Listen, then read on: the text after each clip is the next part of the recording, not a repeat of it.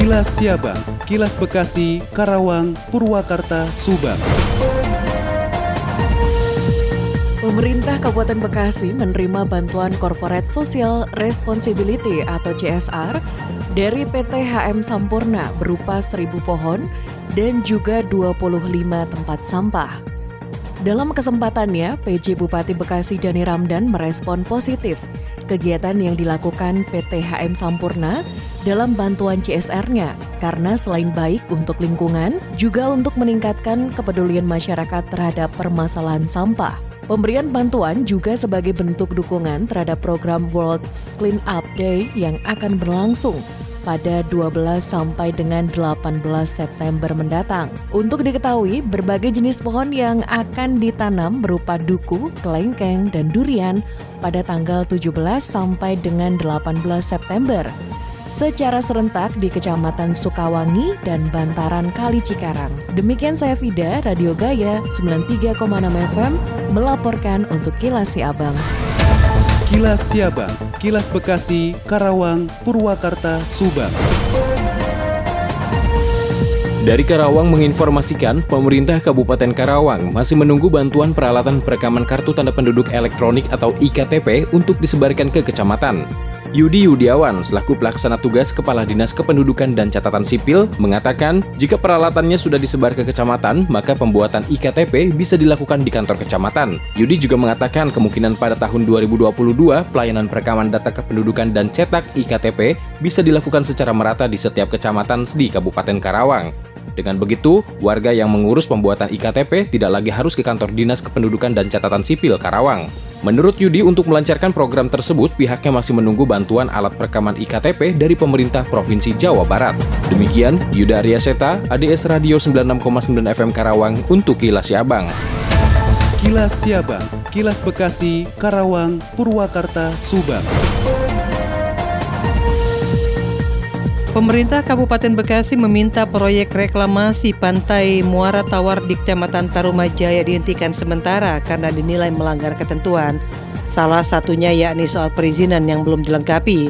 Hal ini disampaikan oleh PJ Bupati Bekasi Dani Ramdan. Dani mengungkapkan jika izin reklamasi pantai di Tarumajaya itu kewenangan pemerintah Provinsi Jawa Barat Makanya pemerintah Kabupaten Bekasi berkoordinasi langsung dengan Pemprov Jawa Barat untuk menyelesaikan problem yang ditimbulkan dari reklamasi itu. Sebelumnya puluhan nelayan di Desa Pantai Makmur, Kecamatan Tarumajaya melakukan aksi tolak reklamasi pantai yang dilakukan di kawasan industri Marunda Center pada Senin lalu.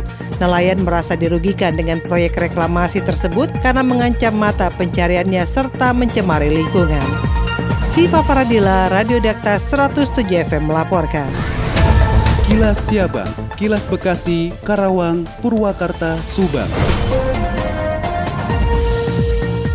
Dari Subang dikabarkan, konsultan penyusun kaji rencana detail tata ruang atau RDTR Kecamatan Pusaka Jaya sebagai sebuah kajian atau studi penyusunan RDTR merupakan langkah awal mengenai kemungkinan perubahan tata ruang di Kecamatan Pusaka Jaya di masa depan. Camat Pusaka Jaya, Dr. Andes Vinus Subriyadi mengatakan, usai mendapat pemaparan dari konsultan, beberapa poin yang dibahas di antaranya terkait dengan rencana perubahan tata ruang di Kecamatan Pusaka Jaya, mulai dari adanya zona industri, perumahan, area ekonomi hingga pertanian. Sebab Kecamatan Pusaka Jaya merupakan wilayah yang berbatasan dengan Kabupaten Indramayu, dekat dan merupakan daerah penyangga Pelabuhan Patimban serta merupakan rencana daerah yang masuk menjadi area rebana yang merupakan ide kawasan ekonomi pemerintah Provinsi Jawa Barat. Jika pun nanti berubah, yang mungkin lebih awal disiapkan ada sebagian wilayah Desa Karanganyar dan Desa Kebondanas yang berada di utara Jalan Pantura.